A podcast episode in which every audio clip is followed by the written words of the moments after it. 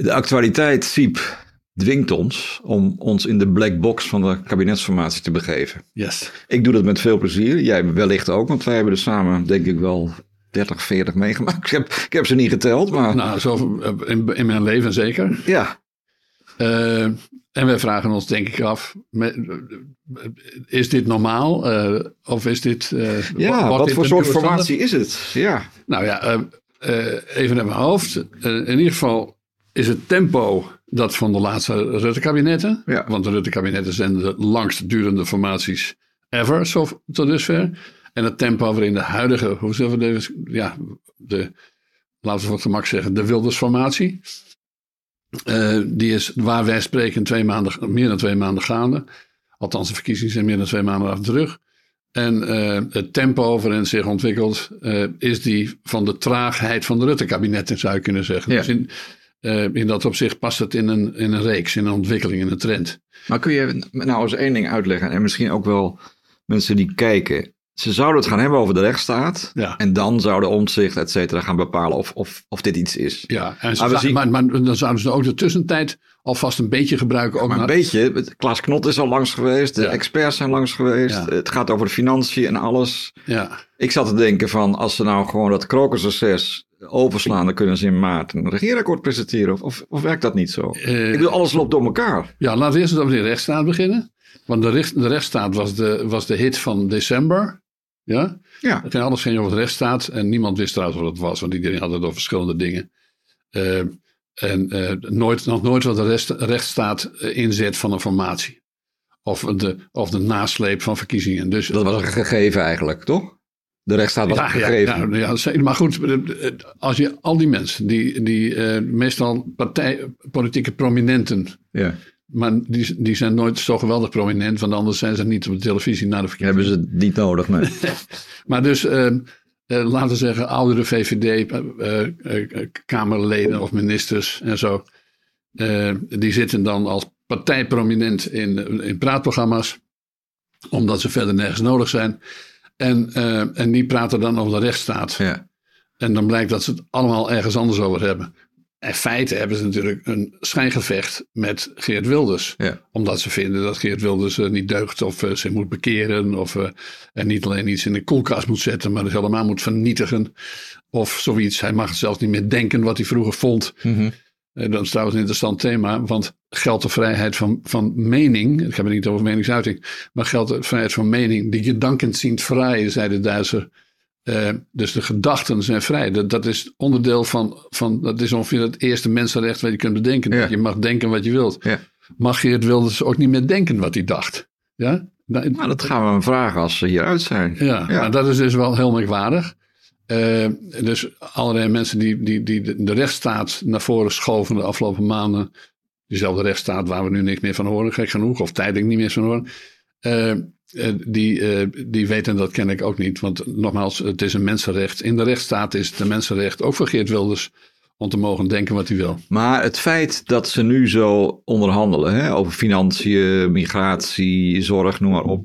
Betekent dat dat met name Omtzigt zich neer heeft gelegd bij die rechtsstatelijke bezwaren? Of wat, hoe, hoe- dat kan toch bijna niet anders? Nee, dat weten we niet. De, de mogelijkheid bestaat ook dat, eh dat Omtzigt denkt, komt tijd, komt raad.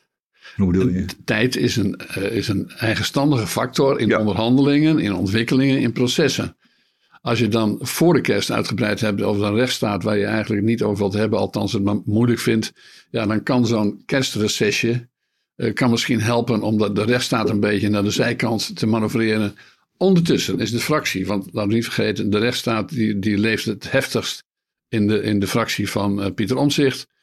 En, eh, en er wordt verondersteld dat eh, minstens een derde en misschien wel de helft van die fractie eigenlijk niet wil regeren met, eh, met, met, met Geert Wilders. En, en of op zijn best als gedoogpartner Ja. zouden ze dan moeten zijn. Dus dat is een probleem in die fractie, is een pro- probleem van Pieter Omtzigt, een probleem voor hemzelf ook, want hij heeft destijds bij het CDA, was hij ook al tegen samen, heet het, regeren met eh, Geert Wilders. In 2010. Eh, 2010. Ja. Dus het obstakel bij NSC is de rechtsstaat. Eh, maar je zou kunnen denken, zoals Lubbers dat noemde, de vooraanstaande CDA Ruud Lubbers. Dat werkende weg soms problemen zich oplossen. Wat je ziet is dat, dat het nieuw sociaal contract, die fractie is heel actief. Ja. Uh, dus die zijn bezig met, met actieve beleidsbeïnvloeding. Die, die doen hebben medespeeches en zo. buiten de formatie om in de Kamer. Zeker, maar goed, dat hoort natuurlijk ook bij die fractie. Want hij is de held uh, van het idee dat de Kamer de baas van het land zou moeten zijn, ongeveer. En dat, dat, geeft hij, dat geeft Pieter Omzicht en zijn fractie geven daar ook voedsel aan. Ja, die, die zijn meteen begonnen met volksvertegenwoordigend werk Mhm. te leveren. En ja, het zou kunnen zijn dat ze ook denken, dat Pieter Omtzigt ook denkt van ja, dan, on, dan verdwijnt misschien ook een beetje die weerstand tegen Wilders als werkende weg enzovoort. Ik zeg niet dat, dat Omtzigt erop uit is om wel te regeren met hem, maar in ieder geval het kan zijn dat uh, tijd uh, zijn zegenende werk gaat. Ja, en dan zou je kunnen zeggen als er een regeerakkoord ligt, kijk maar, dit is allemaal keurig volgens de rechtsstaat, niks aan de hand. Zo is dat. He, zo is dat. En laten we het niet vergeten, er is natuurlijk uh, wel degelijk wat gebeurd. Geert Wilders die heeft een paar dingen gedaan. Uh, niet allemaal met, met trompetten en, uh, en geschal, maar hij heeft uh, een serie oude voorstellen op het punt. ja, drie initiatiefwetsvoorstellen. Ja, over de moskeeën ja. en de hoofddoek en, ja. de, de, en de Koran. die heeft hij allemaal onder stof vandaan gehaald en weggelegd. maar hij heeft meer gedaan. Hij heeft ook een koerswijziging over de Oekraïne gepleegd. Ja, de Oekraïne is nou niet meer een plek waar je. Ik bedoel, hij had daar een belachelijk idee over, ongeveer alsof uh, Oekraïne heftiger, uh, erger was dan, dan Rusland en zo. Hij kon het weer niet laten, overigens Geert Wilders, om toen uh, deze dagen een bericht kwam over corruptie bij de, bij, de, bij de krijgsmacht in Oekraïne. Om te zeggen, kijk het weer, ja, ja. enzovoort. Ja, ja, maar goed, hij heeft toch een serieuze draai gemaakt. Hij staat nu aan de kant van het Westen, zou ik maar zeggen. Zonder geld, maar goed. Ja, maar goed, kijk, zolang er ruimte, hij kan zich het ook permitteren. Ja, dat zolang, meerderheid. Ik bedoel, ieder ander uh, weldenkend mens zou ik haast willen zeggen. Uh, uh, ziet dat je Oekraïne niet, niet het, aan zijn lot kan overlaten. ook uit, uit ons eigen belang. Of Nederland zo nodig weer, weer gidsland moest zijn. Zoals het in het laatste jaar van, van Mark Rutte plotseling het geval was. waarbij, alle, waarbij je allerlei vraagtekens kunt hebben. Ja, dat kun je afvragen. En daar bestaat ook niet per se een meerderheid voor in de Nederlandse bevolking. We willen best meedoen, maar waarom moeten we nou weer zo nodig voorop lopen en gistland zijn, wat iets meer zijn? Um, nu we het over Wilders hebben, het feit dat hij maar... Oh, excuus, sorry. Ja. Uh, maar ik, ik probeer dus te zeggen, het is niet zo dat Wilders niets gedaan heeft om de achterban van Pieter Omtzigt nee, te, te, te, bedienen. Die hebben dat eigenlijk al een beetje binnengehaald. Ja. Maar het feit dat Wilders maar op X uh, actief blijft, hè, zelfs dreigt met nieuwe verkiezingen, jongens. Uh, ja. Er mag niet te veel bezuinigd worden, de, et cetera. Die legt eigenlijk zijn kaarten redelijk op tafel. Ja. En het feit dat Jisselgus daar weer op ingaat. Ik dacht eigenlijk net andersom. Ik dacht eigenlijk vooral andersom was. Dat zij begonnen was? Ja. Ja, oh, oké, okay, op het congres. Ja, ja. ja. nee, want dat uh, is niet iedereen uh, opgevallen, maar uh, Dylan Jessicus, dus de, de, de, de leidster, leider, Hmm. misschien interim leider, moet allemaal blijken. Volgens Rutte overigens uh, de beste leider straks ooit, heb je dat gehoord? Oh, zei, zei Rutte dat? Ja, Rutte is helemaal los. Die zei, dit zou wel eens... Ik ben ervan overtuigd dat dit de grootste partijleider uit de geschiedenis van de liberalen wordt. Ja. Dat weet hij nu al, maar goed. Oké, okay, maar goed, de wetenschap uh, is bij Mark Rutte betrekkelijk vet. Nee, maar het was wel grappig dat hij dat al zo... Ja, ja, dat je denkt... Nee, maar goed, hij, hij, als Rutte één ding kan, dan kan hij bluffen. Bluff, hij, hij kan ook smieren, toch? Nou, maar af, of is dit... vooral bluffen. Ja? Dus gewoon bluffen, beloftes doen die dan, die, die, waarvan hij weet dat hij niet, dat ja, niet ja. eens na wil komen. Dat is de bluffer, Mark Rutte. Dus dit is ook pure bluff. Oké. Okay. En bovendien kan hij nou ook nog doen alsof hij haarzelf naar voren heeft geschoven. Wat trouwens ook zo is. Ja, dus ik bedoel, in, in zo, Maar goed, ik, ik laat je afdwalen. We hadden het. Ja, ja, nou goed. Ik, ik, ik, uh, uh, ik wilde even naar Dylan uh, Ja. Want die heeft, denk ik, toch de meeste openheid verschaft. Niet per se met die opzet over de stand van zaken rond de, de formatie bij haar partijcongres op, van eind januari. Ja. ik heb de indruk dat niet alle parlementaire journalisten dat, dat, dat verhaal helemaal goed hebben afgeluisterd. Want er staat, er staat best veel in, in, wat, in het verhaal wat ze houdt. Mhm. Er is bijvoorbeeld, uh, en er zitten een aantal dingen in eh, waarbij ze op de tenen trapt van Geert Wilders. En daar reageert, daar komen we zo meteen aan op, daar reageert Geert Wilders dan weer op met tweets. Ja. In die samenhang kunnen we best iets afleiden over de stand van zaken en over het krachtenveld binnen die, binnen die formatie. Wat erg opvalt, is dat ze het voortdurend heeft over stabiliteit. Uh, kennelijk uh, probeert ze haar achterban duidelijk te maken dat de VVD iets bijzonders in de aanbieding heeft in dit partijenlandschap. Mm. Namelijk de stabiliteit die de rest niet heeft. Wat heel opvallend is, is dat ze de partijen met wie ze nu aan tafel zit uh, te onderhandelen, allemaal uh, impliciet protestpartijen noemt. Nou, protestpartijen hebben bepaald niet stabiliteit in zich, probeert ze daar kennelijk mee aan te geven.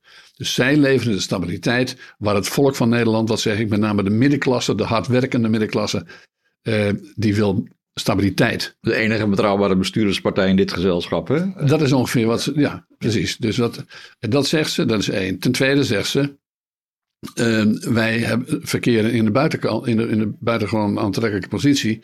Uh, dat we nu dingen binnen kunnen halen.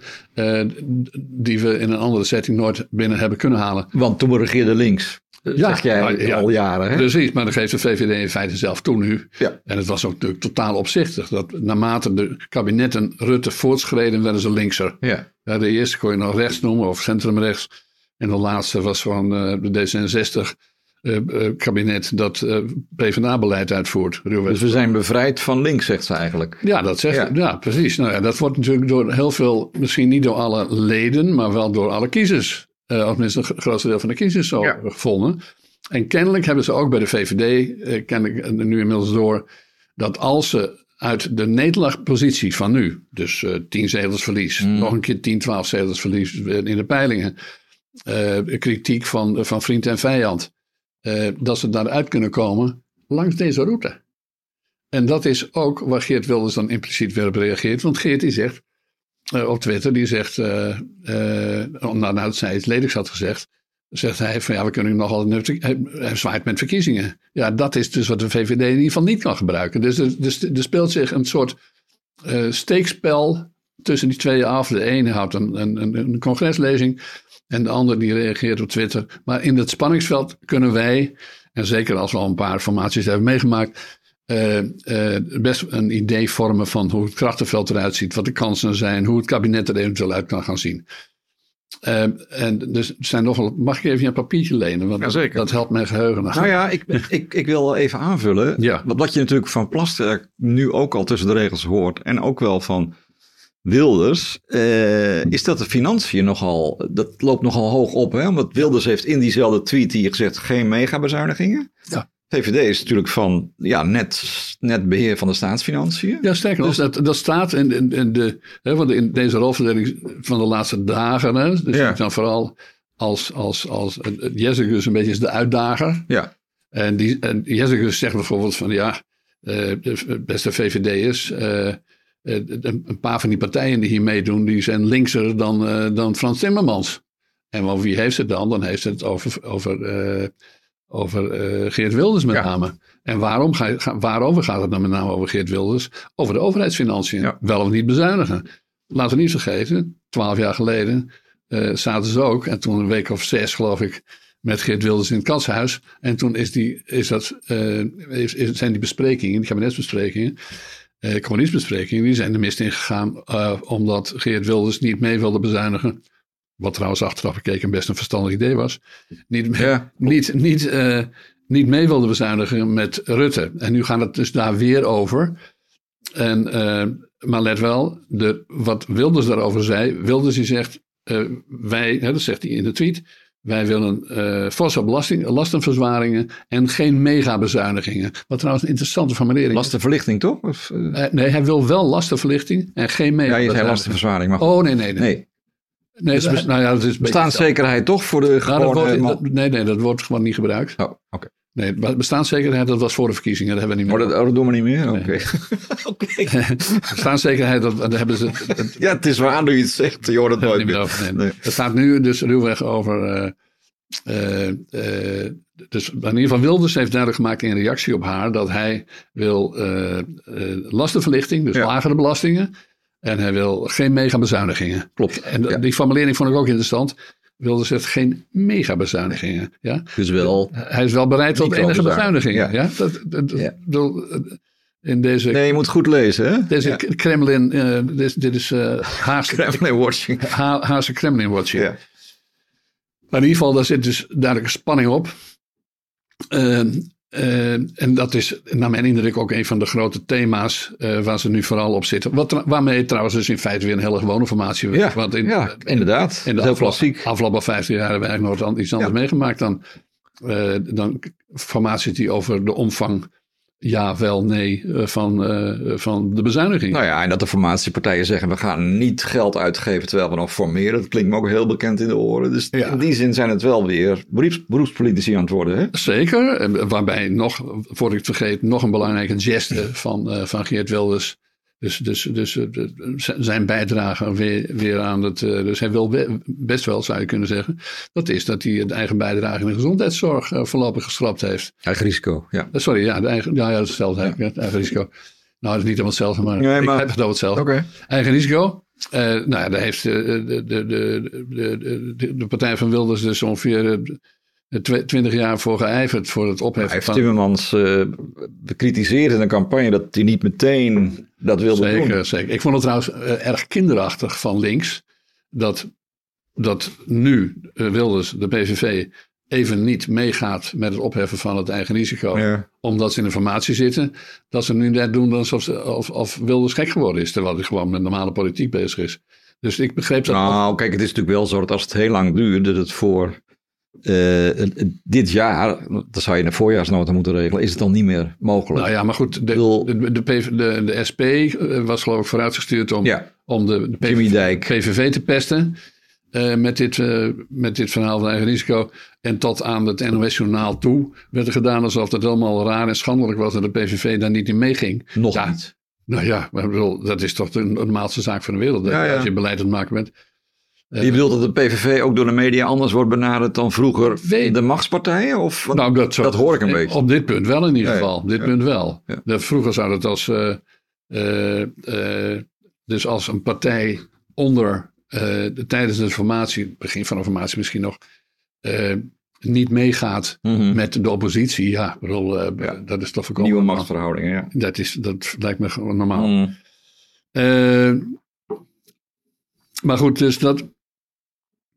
Ik wil maar zeggen, de, de, de, de, nu eind januari zit er wel degelijk enige tekening in, in het spel. Waarbij het nadrukkelijk gaat over lastenverlichting, eh, bezuinigingen. En inderdaad is het buitengewoon opvallend dat de hele optocht van technocraten al geweest is. Ja? Ja. En Dus eh, de, de, Centraal Planbureau, Nederlandse Bank, CER. het ministerie Ja. van Financiën eh, enzovoort. Eh, sterker nog, de eerste flauwiteit is al uitgelekt. Namelijk eh, dat ze bij BBB, dus de Oh ja, Boerburgerpartij, ja. dat ze daar niet zouden kunnen rekenen en niks van economie weten. Je vraagt je af hoe dat naar buiten is gekomen. Eh, want degene die dat naar buiten brengt, heeft niet het beste voor met het formatiehuis. Nee, dat is toch... Dus ik denk dat er twee mogelijke routes zijn. De, het, het- als het een partij is geweest, dan lijkt me een VVD-dingetje. Eh, maar het kan in theorie ook uit een van die instituties zijn gekomen. Ja, dus de, de Ja, die dus- daarbij hebben gezeten. Precies, en die hebben dan vragen gekregen die ze normaal niet krijgen. Kunnen hele goede vragen zijn geweest. Maar die kunnen soms, de beste vragen kunnen soms wat domme ogen. Ja. Eh, dus eh, in ieder geval was het eh, een onaardig lek. En dat leek een beetje op wat we kennen van de vorige formatie. Toen de, de D66 eh, liet uitlekken dat de formateur van VVD-huizen, de informateur van VVD-huis, Johan Remkes, aan de drank was geweest. Oh ja, dat D66 weer dat, hè? Dat precies. Maar meestal keert zich zoiets tegen de, Ja. tegen de lekker, zou ik zeggen. Maar eh, als we nou eens even al, alles wat jij zegt bij elkaar optellen, dan, dan hoor ik dat het een redelijk kansrijke formatie is. Want bij alle formaties roepen ze altijd dat het moeilijk is en ingewikkeld. Het is allemaal... En dat moet ook, dat willen ze ook. Dat want, moet ook, want voor de achterban. Ze moeten indruk wekken alsof ze alles voor de helft een deur hebben weggeslepen. Tuurlijk. Ja. Maar ondertussen zijn ze al veel verder dan wij zien. Dat zou best kunnen, ja. Ja. Ehm, en, en Ook omdat ze geen alternatief hebben. ja, ja, het, is, het, maar- het, het, het is niet zo, je kunt niet zeggen dat het enthousiasme en de vreugde eraf af, afvliegt. Eh, misschien een beetje bij BBB, want het is natuurlijk een relatief kleine partij geworden. Die, die, die relatief veel macht heeft. Ja. Ja, eh, eh, maar vooral, eh, en bij, bij Wilders in zekere mate ook, Ja. eh, denk ik. Eh, maar het, gaat, het hoeft niet vreugdevol te zijn om kansrijk te zijn als er geen alternatief is. Maar dat, dat heb ik ook wel eerder van jou gehoord. Of dat hebben we net in het voorgesprek al besproken. Stel nou dat, dat Wilders geen premier wordt. Hè? Dus dan heb je niet die uitstraling uit het buitenland. Wat, wat mensen toch moeilijk vinden. Tot in het Europese parlement merk je dat dat lastig is. Nou, vooral, vooral daarom moet ik ook zeggen. Ja, In het nieuwe Europees parlement dat er straks wordt gekozen, dat zal, dat wel- zal veel rechtser zijn. dat zal Ja, veel wildersachtig zijn. Dat ben ik met je eens. Ja. Maar stel dat Wilders en de andere partijleiders in de Kamer blijven. Hè? En Mhm. Plasterk wordt eh, premier. Ja. Nou, dat, die, is- ja, die is wel rechts, maar dat is het oud PvdA. Staat niet bekend als, als superrechts. En er komen wat ja, meer deskundige ministers. Dat klinkt toch als een redelijk rechts Eh, ja, ik Of heb, ik, onzin? ik, ik heb hetzelfde, de, de, eh, de, de, de term hybride 1 voor bedacht. Hybride 1, dat moet je even Ja. uitleggen. Nou, hybride, dat is eh, als- als- Tweeslachtig. als- tweeslachtig. Minstens tweeslachtig. Drie, vier, vijfslachtig Ja. misschien. En eh, dus dat, dat hinkt dan op diverse gedachten. Eh, laat ik eens beginnen met eh, of Wilders wel of geen premier is. Ik heb eerder eh, met jou ook wel besproken dat hij eh, dat eh, Wilders er niet heel veel belang bij heeft. Hij zegt dat wel, maar niet heel veel belang bij heeft om premier te zijn. Nee.